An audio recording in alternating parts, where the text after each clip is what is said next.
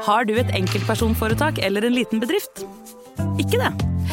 Nei. Nei, men da holder vi det enkelt og gir oss her. Fordi vi liker enkelt. Fiken superenkelt regnskap.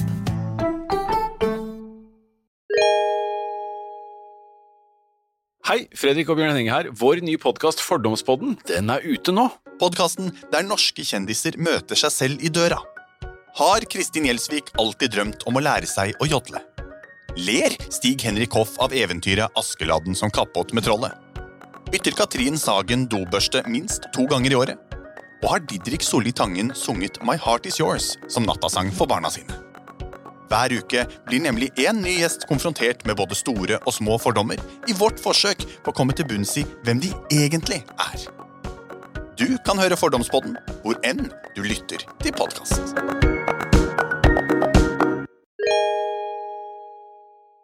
Hei, og takk for at du lytter til Gangsterpodden. Skulle du kanskje ønske du kunne høre en ny episode om gangstere hver eneste uke? Vel, da er det bare å laste ned podkastappen Untold med en gang. I tillegg til ukentlige episoder av podkaster som Historiepodden, Henrettelsespodden og også True Crime-podden, så får du masse annet reklamefritt og også eksklusivt innhold inni Untold. Last ned Untold i AppStore eller Google Playstore, og start en 30 dagers prøveperiode med det samme.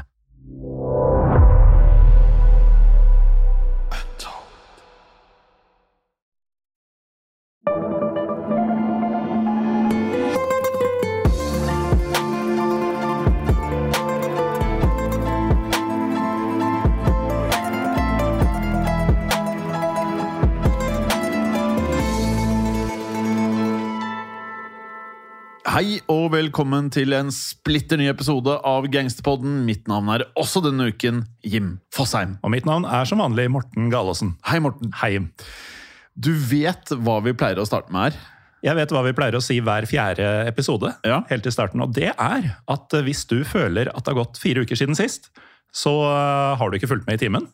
Fordi vi er ute med Gangsterpodden og de andre podkastene våre hver eneste uke. Men da må du ha en app som heter Untold. Ja, det må du, for vi sitter her hver uke og spiller inn podkastepisoder. Ja.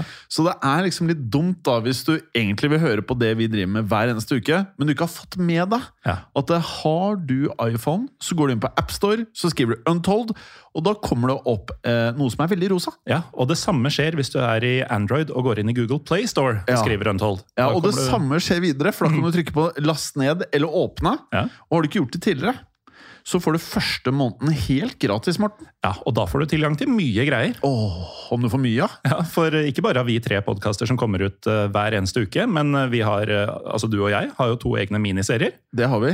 Ukrainas turbulente historie. Og den andre podkasten som kunne hatt samme start på navnet. Ja, Samlingen av Japan, som burde vært den turbulente samlingen av Japan. Den svært turbulente samlingen av Japan. Eh, Det fant vi ut etter vi hadde gjort eh, researcharbeidet. og altså, det, det, var bare rett og slett en periode med mye tumulter. Det var en tumultuøs Ja. eh, periode. Og mye ære. Veldig mye ære. Og mye skarpt som man brukte på seg selv. Ja, Som og kunne på andre. Ta, ja, og på andre. Som tok livet av enten en selv eller av andre. Ja, Og så har vi jo flere miniserier uh, i emning nå, ja, Ja. som kan komme etter hvert. Og ikke minst er det jo flere titalls andre podkaster som enten du eller jeg er med i, men også mange uten oss. Ja, nå var du god. Dette er sterkt. Uh, Men til uh, dagens episode, og mm, jeg føler ikke at jeg er helt uh, under radaren her hvis jeg sier at det er mange som har hørt om denne historien tidligere. Det tror jeg du har rett i. Eh, Men en annen ting som mange har hørt om, som vi glemte å si, Ja. det er at hvis man ikke vil inn i Google Play Store eller App Store, Ja, ja, ja. så kan, man også, også, ja. ja, så kan man få Untold også gjennom nettleseren sin. Åh. Untold.app. Ja, helt riktig. Og det er faktisk ganske mange som skal inn i nettleseren. Ja, det er vi skjønt. Um, vi skal da prate om i Vanligvis i denne podkasten Morten, så prater vi stort sett om menn. Ja. Men i dag skal vi prate om en mann og en kvinne. ja, vi skal det.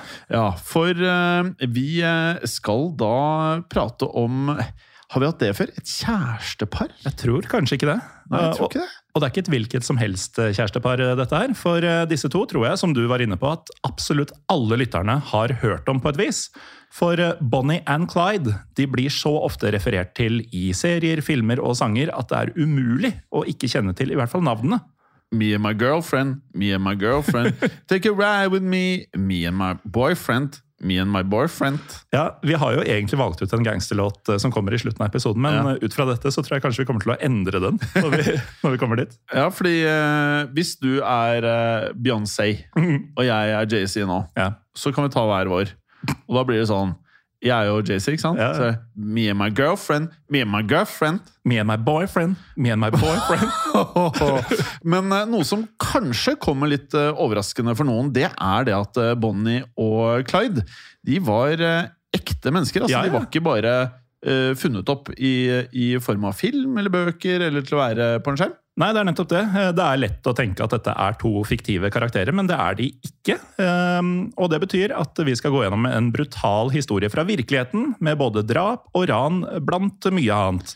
Og ikke minst så skal vi holde oss i en historisk periode som passer gangsterpodden veldig godt hjem. Jeg er helt enig, og en periode jeg er veldig fascinert av rent historisk. Ja. Eh, For vi er jo historieinteresserte i og med at vi da har historie på den. Ja, Og historie på den andre verdenskrig. Ja, Helt riktig. For eh, mesteparten av dagens historie det finner sted under Det høres bedre ut på engelsk nok en gang. The Great Depression. Mm. Ja. På norsk Den store depresjonen. Det høres kanskje nesten litt sånn tullete ut, Ja, det gjør det. Um, men det var en stor depresjon. Ja, ja. Uh, Og det var deprimerende. Men eh, selve depresjonen handla jo egentlig ikke om hvordan folk hadde det mentalt, men hvordan det sto til med verdensøkonomien. Helt riktig, og den var depressiv. Ja. Som andre ord eh, så var denne store økonomiske krisen noe som rammet stort sett alle deler av verden. Mm. Spesielt da mot slutten av 1920-tallet. Ja. Men uh, vi skal starte litt tidligere enn det med dagens historie, Morten. Ja, for vi har jo to hovedpersoner i dag, og vi liker jo å starte med begynnelsen i alle podkastene våre. Og ettersom Clyde da ble født eh, året før Bonnie, så kan vi begynne med han. For eh, Clyde Chestnut Barrow, tøft navn, Ja, veldig.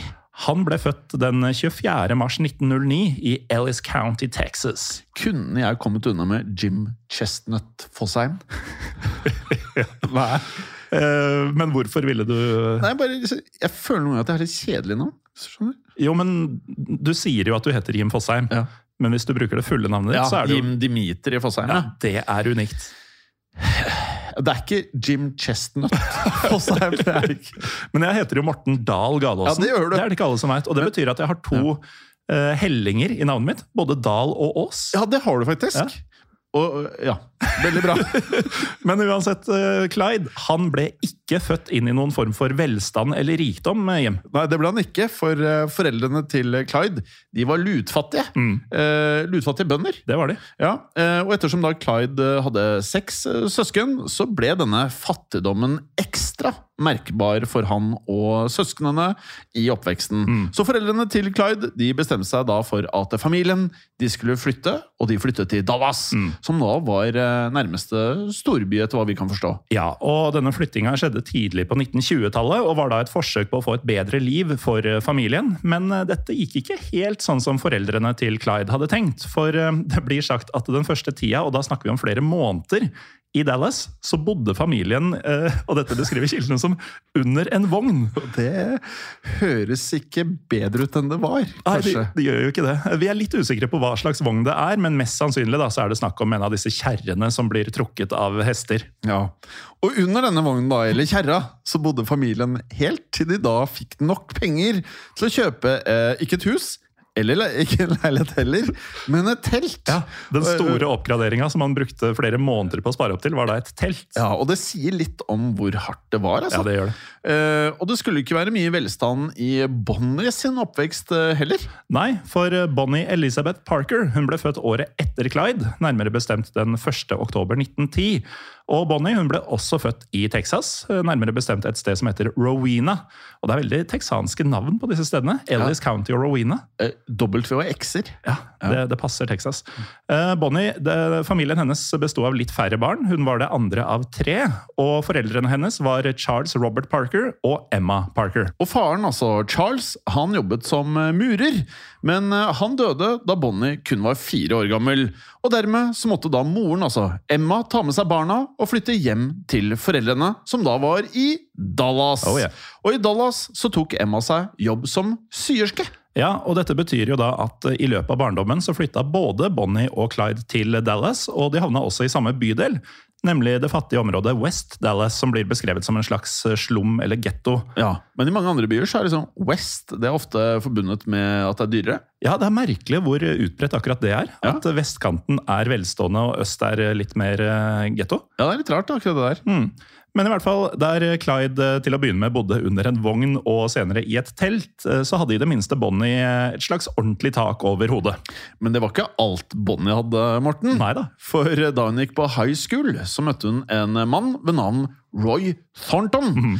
og det møtet skulle virkelig påvirke livet hennes videre. For Bonnie og Roy de droppet ut av skolen sammen. Og giftet seg like gjerne. Ja.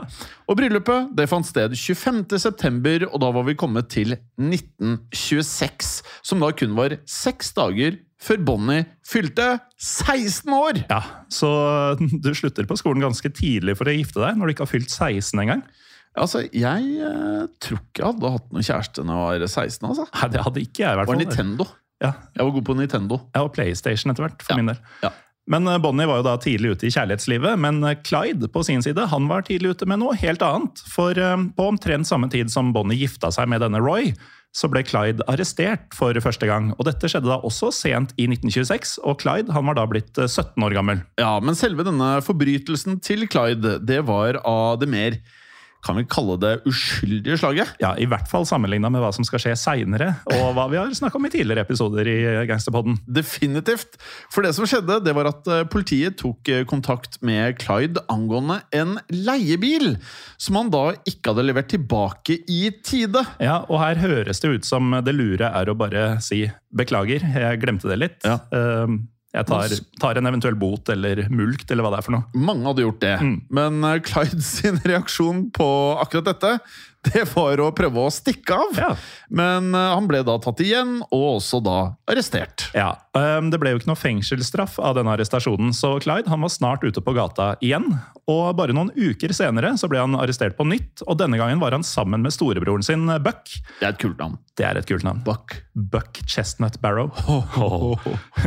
Men igjen hjem så er det en eh, relativt myk forseelse sammenligna med mye annet vi har snakka om i Gangsterpodden. Virkelig. Og vi kan jo legge til at eh, Clyde og Buck de ble også angivelig arrestert for possession of stolen turkeys. altså, de hadde da stjålet um, Ja, de, de var i besittelse av stjålne kalkuner. ja. Helt riktig. Uh, og det er jo ikke noe vi har hørt om i denne podkasten tidligere. er det? Nei, den er eh, første gang både i denne og alle andre podkaster vi har laget sammen. Men noe som også er litt sånn gangsterete med kalkuner, det er ofte det som blir gitt bort i gettoen i filmene, når gangsterne skal liksom gi tilbake til communityen. Det er sant. Mm. Det er et godt poeng. På thanksgiving, gjerne. Jeg tror ikke det var meninga å gi disse tilbake til de trengende. Nei, det føltes ikke slik. Og vi vet eh, da dessverre ikke akkurat hvor mange kalkuner de ble tatt med, men eh, vi kan uansett slå fast at Clyde sitt kriminelle liv det begynte da i helt, helt uh, små forbrytelser. Ja, det gjorde det. Men en annen som brøt loven på dette tidspunktet, det var Roy Thornton, denne ektemannen til Bonnie. For likte Bad Boys? virker litt sånn. Ja, altså. sånn. Eh, Og Ifølge kildene våre da, så var eh, Roy både Han var ofte borte fra Bonnie fordi han eh, stadig havna i trøbbel og ble arrestert. Og ekteskapet det, det brant litt ut pga. dette her. Men Bonnie og Roy de skilte seg aldri. Men angivelig så møttes de aldri igjen etter januar 1929. Noe som da betyr at eh, sist Bonnie og Roy så hverandre, så var ikke Bonnie mer enn 18 år gammel. Nei, og etter at hun da forlot Roy uten å skilles formelt, så flytta Bonnie tilbake til moren sin og tok seg jobb som en eh, servitør på en diner i Texas. Jeg har alltid hatt lyst til å gå på sånne amerikanske dinere. Ja, eh, det, er, det er noe eget ved det, altså. Ja, altså først eh, Til s- sen frokost eller tidlig lunsj så har jeg kjørt uh, cowboybreakfast. Ja. Altså med bønner Mm. og sausage. Uh, er det ikke bacon også og egg?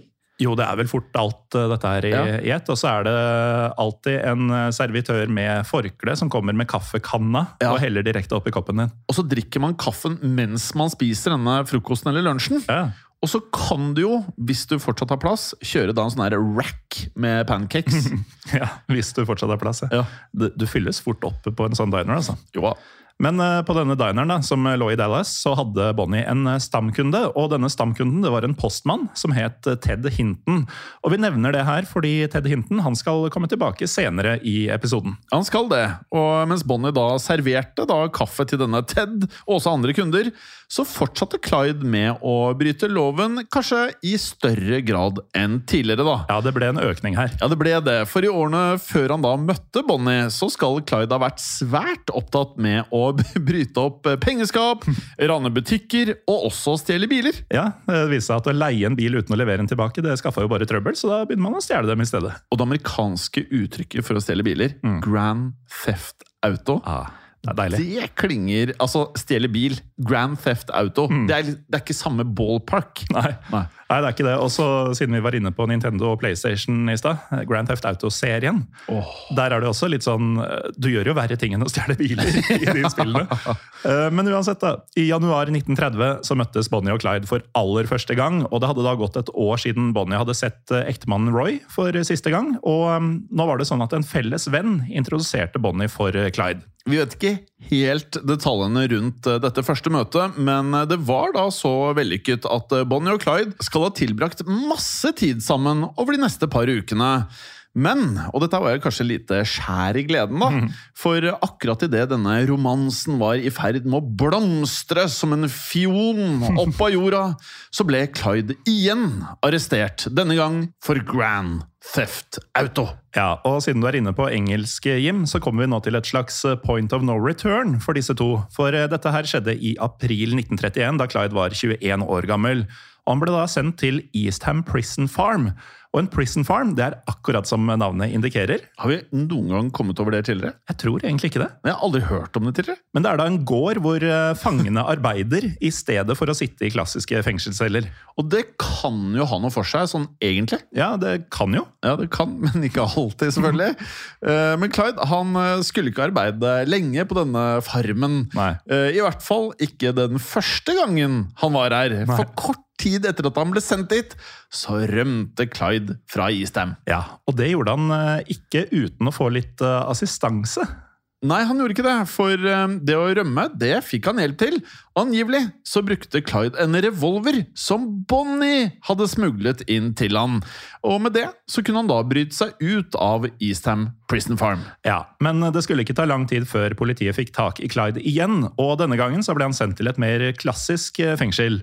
Og I dette fengselet så skulle det skje ting i livet til Clyde som skulle endre han for alltid. Og en av disse tingene det var at Clyde gjentatte ganger ble utsatt for eh, det som blir beskrevet som seksuelle overgrep av en medfange. Ja, og Vi vet ikke akkurat hva slags uh, overgrep det er snakk om sånn nøyaktig, men det vi vet, er at uh, Clyde han skulle få slutt på disse overgrepene. For en dag så tok han da tak i et jernrør og slo inn skallen til denne overgriperen.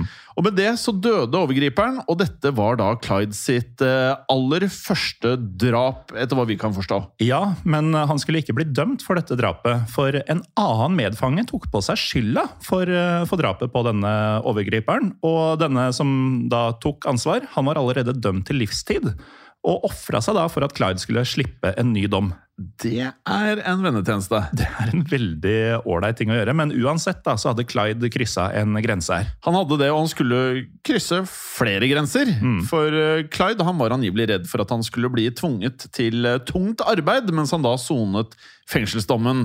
Så for å slippe unna tvangsarbeidet, så mm, tok han virkelig drastiske grep. Ja, og her er det litt uklart om det var Clyde selv som gjorde dette, eller om han fikk hjelp av en annen innsatt. Men eh, det som skjedde, var da at Clyde med vilje amputerte to av tærne sine i januar 1932. Da er du hard. Da vil du ikke jobbe. Nei, da vil du ikke jobbe.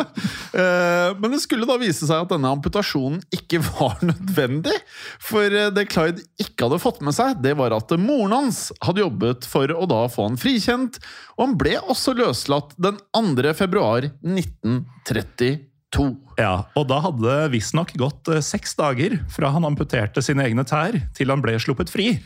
Så hvis han hadde hatt litt mer is i magen her, så ville Clyde Barrow hatt eh, alle ti tærne sine i behold da han slapp fri i februar 1932. Den er litt seig å svelge, eller? Ja, den eh, hadde jeg vært litt bitter for. Ja, Men vi må da huske at i løpet av dette relativt korte fengselsoppholdet, så opplevde Clyde forferdelige ting. Han gjorde det. Han ble utsatt for overgrep, han begikk sitt aller første drap angivelig, og han amputerte da to tær i løpet av kun få måneder. Så dette her var noe som da tydelig preget Clyde Barrow, eh, og også skulle forme han eh, videre i livet. Ja. Og nå var han å anse som en fri mann. Han var det, men eh, vi har noen sitater på denne forandringa som Clyde hadde gått gjennom i løpet av fengselet. For søsteren hans, Marie, hun har sagt følgende Something awful must have happened to him in prison, because he wasn't the same person when he got out. Ja, og En eh, medfange har også uttalt seg om hvordan Clyde endret seg i løpet av tiden i fengsel. Denne medfangen det var da Ralph Fultz, eh, og han har sagt eh, at han da så Clyde forandre seg rett og slett fra det han beskriver som en skolegutt, til kanskje noe sånn ukonvensjonelt uh, av beskrivelse, nemlig til en klapperslange. Ja, uh, og det jeg tar eh, med meg fra det, er at klapperslanger er dødelige. Ja. Uh, Og nå var da klapperslangen Clyde ute, og sammen med bl.a. Bonnie så skulle han de neste årene gå på et hensynsløst hevntokt mot det samme fengselssystemet som han mente hadde ødelagt han. Kan det friste med klapperslange som mellomnavn? Rattlesnake eh. Nei, altså for deg. Jeg er Chestnut, og så er du Morten Rattlesnake Gallosen. Jeg er nok mer schoolboy, altså. Ja, du er det. Du er det. Og når du da sier hevntokt mot eh, fengselssystemet, Morten, så var det nettopp det det var. For umiddelbart etter løslatelsen så begynte Clyde å rane butikker og også bensinstasjoner. Og denne Ralph Fultz han var angivelig med på flere av disse ranene. Og målet for ranene det var å da skaffe nok penger til et eh, meget spesifikt eh, formål, tør jeg påstå. Ja, det kan du si, for planen det var å skaffe penger så man kunne kjøpe inn nok våpen og nok ammunisjon til å angripe nettopp Eastham Prison. Og vi husker jo at Bonnie hun hadde smugla inn et våpen til Clyde da hun hjalp han med å rømme fra gården tidligere. Og nå var Bonnie i høyeste grad en del av gjengen. Det var hun, for 19. april 1932 så var det ikke Clyde, men Bonnie som var sammen med Ralph Fultz på et oppdrag. Og dette oppdraget det var rett og slett et innbrudd i en småby, nemlig Kaufmann, som også lå i Texas. Ja. Og her hadde Bonnie og Fultz da forsøkt å bryte seg inn i en butikk som da solgte skytevåpen. Men dette gikk ikke etter planen. Det gjorde det ikke, for her ble de ble etter hvert omringa og arrestert av politiet. Men dette her er jo det som må til for at disse Bonnie and Clyde-filmene liksom virkelig føles eh, ekte, da. Ja, det er det. Eh, Det går ikke på skinner hver gang man bryter loven. Nei. Og Foltz han ble da dømt og sendt i fengsel, men Bonnie hun ble sluppet fri etter et par måneder etter at det ikke ble tatt ut eh, siktelse mot henne. Så med det så er Foltz egentlig ute av historien, mens Bonnie hun skulle gjenforenes med Clyde igjen. Men uh, skal vi bare ta en liten pust i bakken her. For selv da om der det er Bonnie og Clyde man husker navnene til, så er det nok mange som ikke tenker over at de var en del av en langt større gjeng. Nei? Og denne gjengen, det var jo The Barrow Gang. Ja. Ja, nemlig da oppkalt etter Clyde Barrow, som da var lederen for gjengen. ja. Så det kommer til å dukke opp flere navn på medlemmer enn bare disse to. Og eh, Vi nevnte jo tidligere at eh, Bonnie kanskje likte litt sånn bad boys, og nå var hun jo sammen med da en virkelig bad boy, altså sjefen for en hel gjeng. Ja, hun var det, og det virker som om hun trivdes i den rollen. Men eh, flere navn det dukker opp allerede i august eh, samme år, så vi er fortsatt i eh, 1932.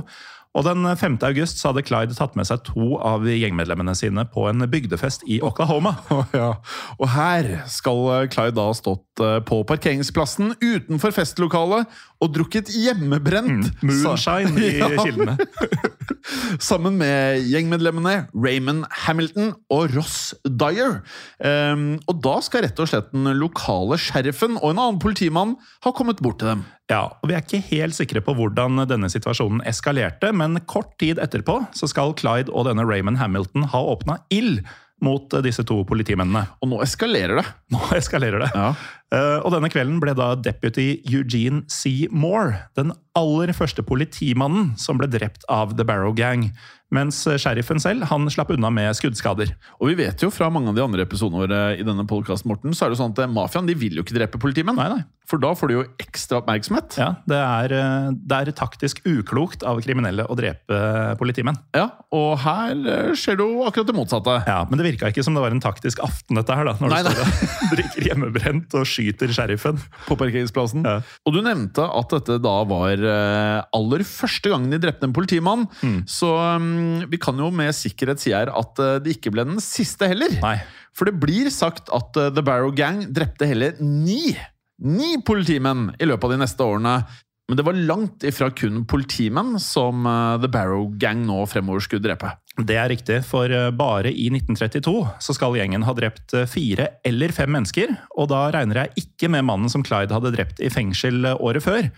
Og grunnen til at jeg sier fire eller fem, er at historikerne er uenige når det gjelder ett av drapene. For noen mener at det var The Barrow Gang som drepte en butikkeier ved navn Howard Hall den 11. oktober det året.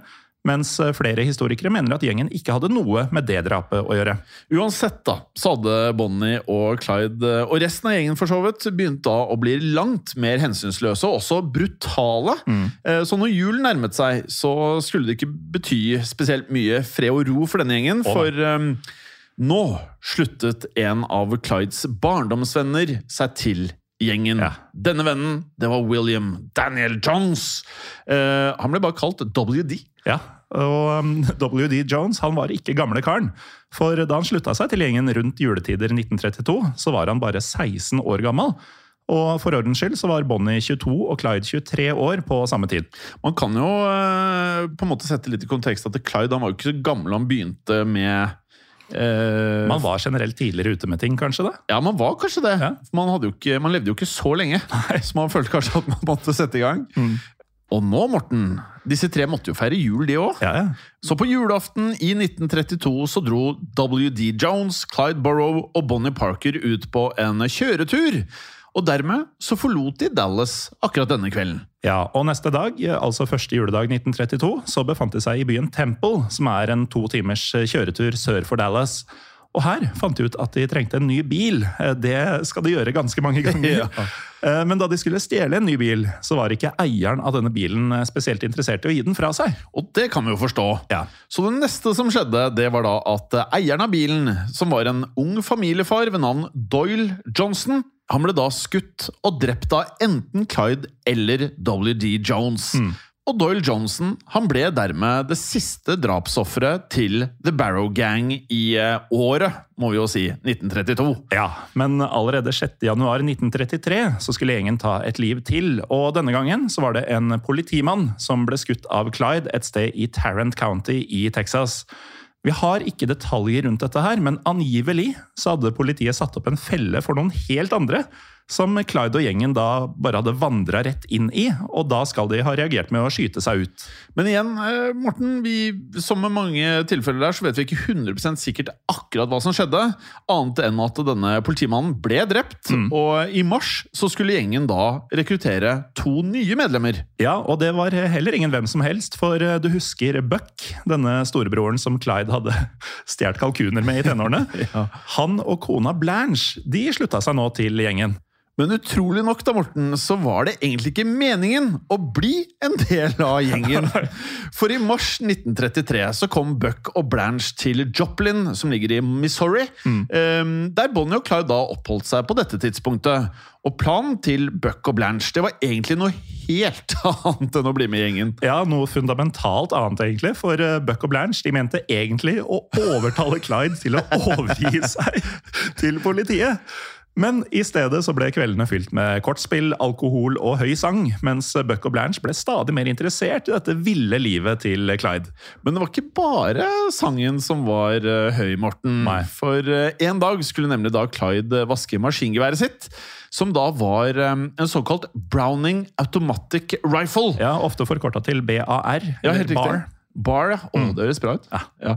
Og mens Clyde vasket maskingeværet, så gikk rett og slett geværet av ved et uhell. Noe som da førte til at en av naboene da kontaktet politiet. Ja, og Naboen hadde jo da hørt et høyt smell, så den 13. april så møtte politiet opp med fem mann utenfor huset og trodde da at de skulle konfrontere noen bootleggers.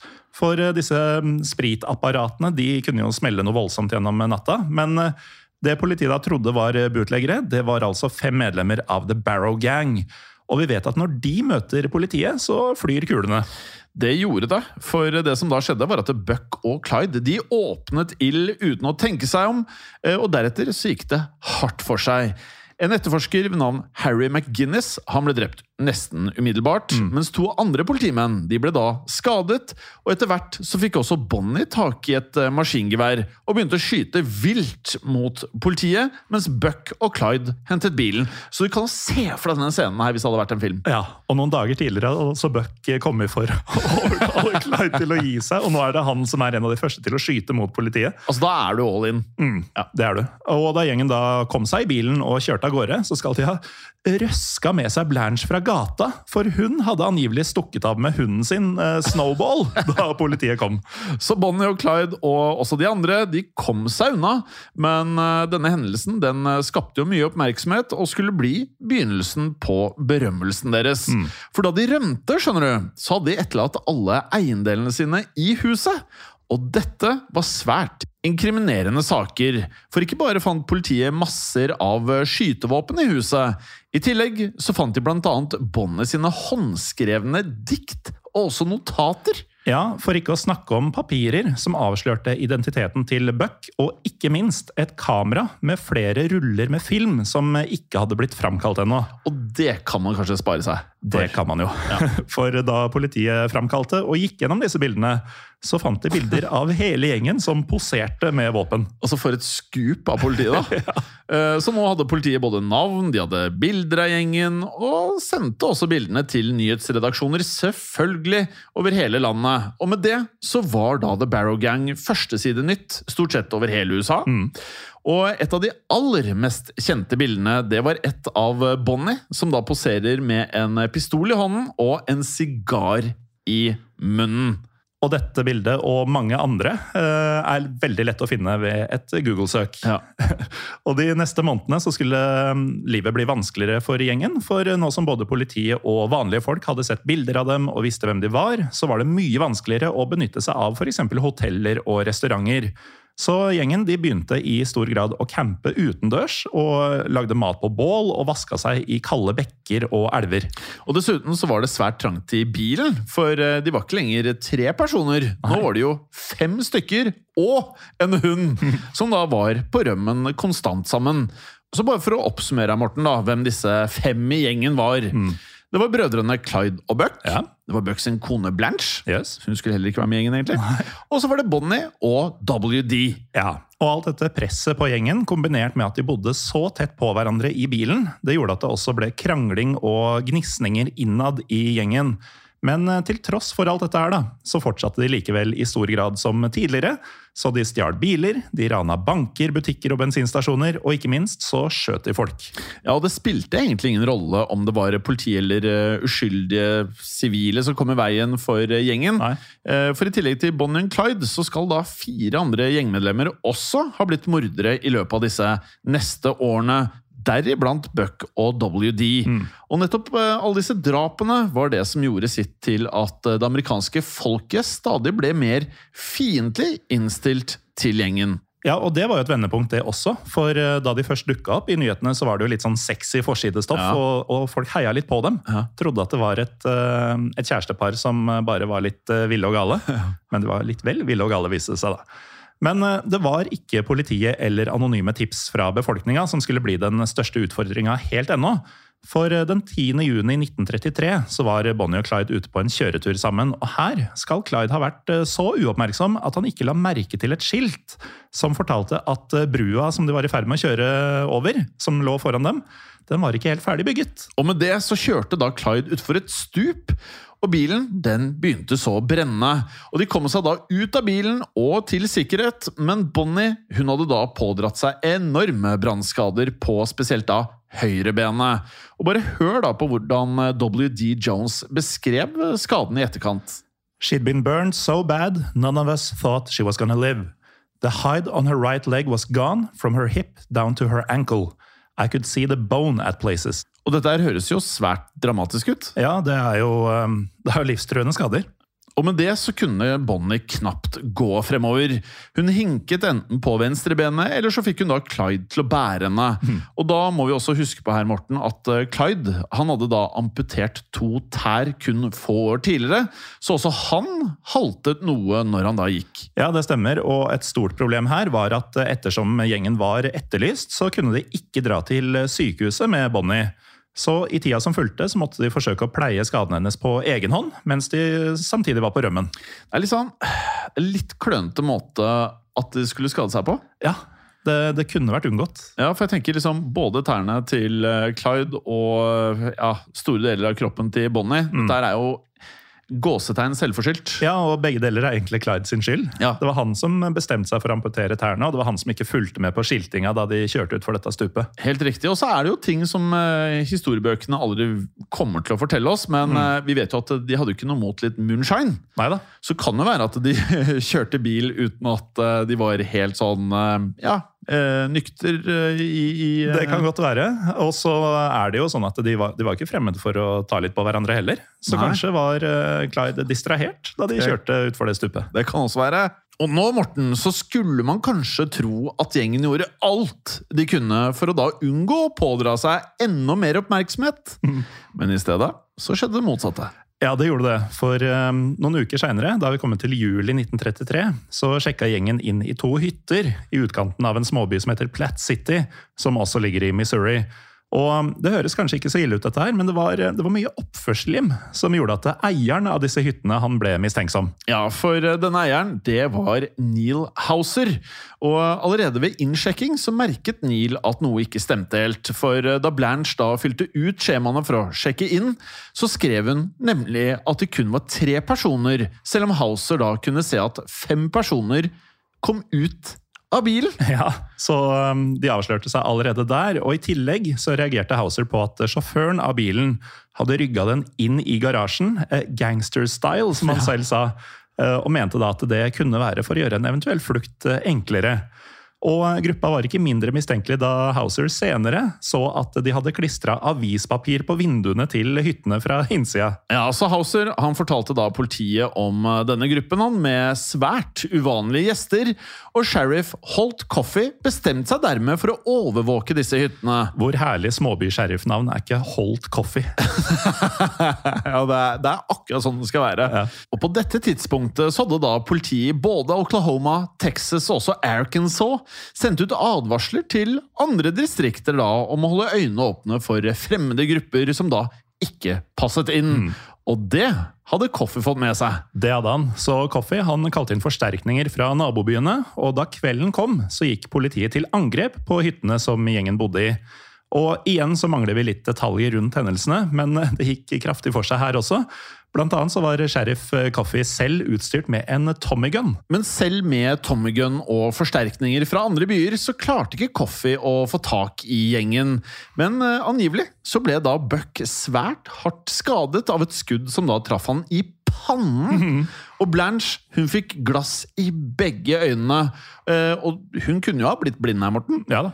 Men eh, begge hadde flaks, og til slutt så kom gjengen seg inn i bilen og klarte å kjøre av gårde. Ja, Men flaksen den begynte å ta slutt nå, for eh, noen uker senere så befant gjengen seg i Iowa. Og Buck var nå så hardt skada pga. dette skuddet i panna at gjengen hadde begynt å grave en grav til han. Da de var sikre på at Buck han var i ferd med å dø. Ja, for jeg tenker Den eneste måten at det Hvis du ikke kan dra til et sykehus, så da må du jo på en måte sneie huden din, eller sneie skallen så godt inn i hodet ditt. Ja, Det begynner å bli litt tøft. Ja, det gjør det. Og mens de da mm, gravde denne grava, så ble gjengen igjen oppdaga av det lokale politiet. Ja, de ble det, og med det så oppsto det da ennå en skuddveksling. Og denne gangen så klarte Bonnie, Clyde og WD Jones å rømme til fots. Ja, og det sier jo egentlig litt, fordi eh, Clyde mangler to tær, og eh, Bonnie har jo disse brannskadene i høyrebeinet. Så de var åpenbart svært seige, disse her. Ja, og en annen som var seig, var jo Buck. Ja, men eh, for Buck, og dessverre da også for Blanche, så var det nå kommet for en dag. Nå var det slutt. Ja. Og nå ble Buck eh, Han hadde jo blitt skutt i pannen. Han ble nå også skutt på nytt. Skutt, denne gangen i ryggen. Ja, altså to, Et par uker tidligere så ble han skutt i panna, og før denne hendelsen som førte til at han ble skutt igjen i ryggen, så trodde de at han var døende. Ja. Så um, nå tenker sikkert mange at Buck Barrow han døde på stedet. Men det gjorde han ikke, Morten. For eh, det skulle ta nesten en uke, faktisk da fem dager, før Buck til slutt døde av alle skadene, mens konen Blanche på sin side ble arrestert. Ja, Så nå var det bare tre igjen i gjengen, og de neste seks ukene ble hovedsakelig brukt til å forflytte seg mellom bl.a. Colorado, Mississippi og Minnesota. Men eh, selv om de hadde mista Buck og Blanche, og selv om de var etterlyst over hele landet, så fortsatte Barrow Gang å rane og stjele. Og spesielt vellykka var ranet av et våpenlager den 20. august, der de fikk tak i nye maskingeværer, pistoler og massevis av ammunisjon. Og nå tenker man jo at dette her er en ganske sånn hardbarka gjeng, selvfølgelig. Ja, men det gjør jo det. Men eh, så dukker opp noe som eh, jeg nesten ble litt sånn overrasket over. For de begynte å få hjemlengsel. Ja, alle tre. Ja, alle tre. Og med det så tok gjengen eh, sjansen på å da dra tilbake til Dallas, og da var vi kommet til september i 1933. Og det hadde nå gått fire måneder siden noen av dem hadde sett familien sin. Og WD Jones, eh, i hans tilfelle, så viste det seg at moren hans da hadde flyttet til Houston, så WD han forlot Bonnie og Clyde for å treffe moren sin. Ja, og i Houston så skulle WD Jones bli arrestert bare to måneder seinere, den 16. november 1933. Og arrestasjonen den gikk udramatisk for seg, nesten litt skuffende. Ja. Og med det så var det bare Bonnie og Clyde igjen. Ja, og nå tenker jeg at det er like greit at vi hopper litt tilbake i tid, Morten. Mm. For eh, vi sa jo da at eh, Bonnie hadde hatt en stamgjest på denne dineren som hun jobbet på. Ja. Nemlig denne postmannen som du da nevnte, Ted Hinton. Ja, Og han eh, var ikke postmann lenger, han nå. Nei, for Ted han hadde i 1932 Han hadde byttet jobb. Ja, Han var nå en del av sheriffstyrken i Dallas. Og ikke bare nok med det, Morten. Han var med i gruppen som nå jobbet med å få tak i nettopp Bonnie og Clyde. Ja, Og denne gruppa blir omtalt som en posse på, i oh. engelske kilder. Det er ganske herlig. Ja. Um, og en snau uke da etter at Jones ble arrestert i Houston, så ble Bonnie og Clyde nesten det samme i Dallas. For um, den 22. november så hadde nettopp gruppa til Ted Hinton, denne possien, lagt en felle ved huset til familien til Clyde. Men Clyde han skjønte akkurat i tide at noe var galt, og satte i stedet opp farta da han nærma seg huset. Og da begynte selvfølgelig denne possien til Hinton å skyte. Og det er litt, litt ukonvensjonelt, bare å åpne ild. Så de begynte å skyte mot bilen med maskingeværene deres. Og selv om Bonnie og Clyde da kom seg unna nok en gang, så bare hør på dette. Så var det en kule som da traff bildøren på en måte som da gjorde at kulen klarte å snike seg gjennom døren og traff både bena til Bonnie og bena til Clyde. Og som vi vet, så hadde ingen av dem spesielt velfungerende ben fra før av. Nei, de hadde jo ikke det, så det går utover beina deres eh, så langt i livet. Og hvor vanvittig er ikke det? Av alle steder de kunne bli truffet, så var det nok en gang i beina. Ja, nei, Det er helt, eh, helt vanvittig. Eh, Men det er noe annet også fra tidlig i episoden som vi må trekke opp igjen. For eh, vi husker jo at Clyde han satt i Eastham Prison da han var yngre, og at de tidlige ranene de ble gjort for å kunne angripe nettopp det fengselet en gang i framtida. Og nå, Jim, var eh, tida kommet. Ja, og jeg tenker at um, det dette blir omtalt som Det er nesten så Hadde vi hatt en egen episode om akkurat det som nå skjer Altså, for en tittel på en episode. For uh, dette her har da blitt omtalt som The Eastham Breakout. Ah, nydelig navn. Ja, det er nydelig. Så um, det som skjedde var at uh, Clyde han klarte å befri flere av uh, gjengmedlemmene sine. Blant annet denne Raymond Hamilton, som da hadde vært med på denne bygdefesten som gikk ganske hardt for seg noen år tidligere. Uh, som vi husker, så drepte han jo denne politimannen. Ja, og Angrepet på Eastern Prison det skjedde 16.1.1934 og markerer egentlig begynnelsen på slutten. For i dette angrepet så hadde en meget høytstående politimann blitt eh, drept, og nå satte både staten Texas og de føderale myndighetene i gang en manhunt på The Barrow Gang. Og lederen for denne manhunten det var en pensjonert eh, tidligere Texas Ranger. Bare hør på det! Texas Ranger som er ute til Bonnie og Clyde! Ja, Brought out of retirement, håndplukka. Og denne tidligere Texas Rangeren, han het eh, Frank Hamer. Ja, Også et fantastisk navn. Ja. Og Hamer han var en eh, selvfølgelig da svært erfaren mann som da var kjent for å virkelig get the job done Ja. på norsk. Få jobben gjort. Ja. Eh, Og dette gjorde han uansett pris. At any cost. At any cost, ja. Og det gjenspeiler seg i noe av statistikken hans. For i løpet av karrieren som Texas Ranger så skal Hamer offisielt Altså, dette her er helt vanvittig. Ja. Han skal, etter hva vi forstår, tatt, ha tatt livet av 53 forbrytere. Ja, on record. Ja, ja, og han har, det er sikkert mye som er off record også, Ja. altså, eh, på denne tiden her. Og han skal selv ha blitt skutt 17 ganger! Det er mer enn Tupac og 50 Cent til sammen. Ja, ja. ja, det sier en del, altså. Så nå var det hardt mot hardt fra myndighetenes eh, side. The Barrow Gang de skulle tas. Og I løpet av de neste tre månedene så hadde Hamer kartlagt bevegelsene til Clyde Barrow og gjengen hans. Og Hamer han fant ut at gjengen stort sett hadde bevega seg mellom fem stater i Midtvesten i USA, og at de innimellom besøkte familiemedlemmer. Og nå var nettopp et slikt eh, familiebesøk på trappene. For i mai 1934 så skulle da Bonnie og Clyde besøke gjengmedlemmet Henry Methwin og hans familie i Louisiana. Så den 21. eller 22. mai 1934 så stilte denne gruppen, kan jeg kalle det posse? Posse. Posse til Hamer seg opp i nærheten av huset til familien Methwin. Og der ventet de. Det gjorde de, og bare for ordens skyld, da. Vi har jo ikke nevnt Henry Methvin tidligere, men det er en god del gjengmedlemmer som har vært en del av gjengen uten å være med på de mest spektakulære tingene. Ja. Og Henry Methvin var da en av dem. Så mange medlemmer var det, og så mye skjedde det, at vi kunne egentlig ha lagd en miniserie om dette. Så vi har egentlig valgt vekk alt som ikke er denne femmerbanden. Det kan du godt si. Ja. Men eh, de skulle vente og vente, for eh, Bonnie og Clyde de dukka verken opp den 21. eller 22. mai. Og Grunnen til forvirringa rundt eh, datoen det er at eh, Ted Hinton han har sagt at de stilte seg opp den 21., mens andre kilder sier at de stilte seg opp den 22. mai. Men det spiller egentlig ingen rolle, siden Bonnie og Clyde de ankom først den 23. mai 1934. På en eller annen måte, når vi begynte å lage podkastene våre for seks, syv, åtte år siden, en gang, så syns jeg det var kanskje litt irriterende at man ikke hadde nøyaktige datoer. Og noen ganger så var årstallene også sånn 1934, 1935 eller 1936. Så man visste aldri helt eh, alt eh, litt tilbake i tid. Nei, og det har litt eh, sjarm, har jeg egentlig lært å tenke nå. Ja, jeg også. Så nå setter jeg egentlig mer pris på det. Men siden man, man vet ikke helt når de stilte seg opp, men man vet veldig mye om uh, ting selve dagen. Ja, det gjør man. Uh, og vi vet på en eller annen merkelig måte akkurat klokkeslettet som Bonnie and Clyde da ankom. Eh, og det skal ha vært da kvart over ni på morgenen. Og denne gjengen, eller possen til Hamer, de hadde jo da gjemt seg og hadde ventet nå i én eller to dager, og de var angivelig i ferd med å gi opp da de plutselig da oppdaget en bil som nærmet seg i svært høy fart. Ja, Og her kommer en liten twist, eh, Jim. Ja, for det viste seg at eh, Henry Methwin han hadde skiftet side.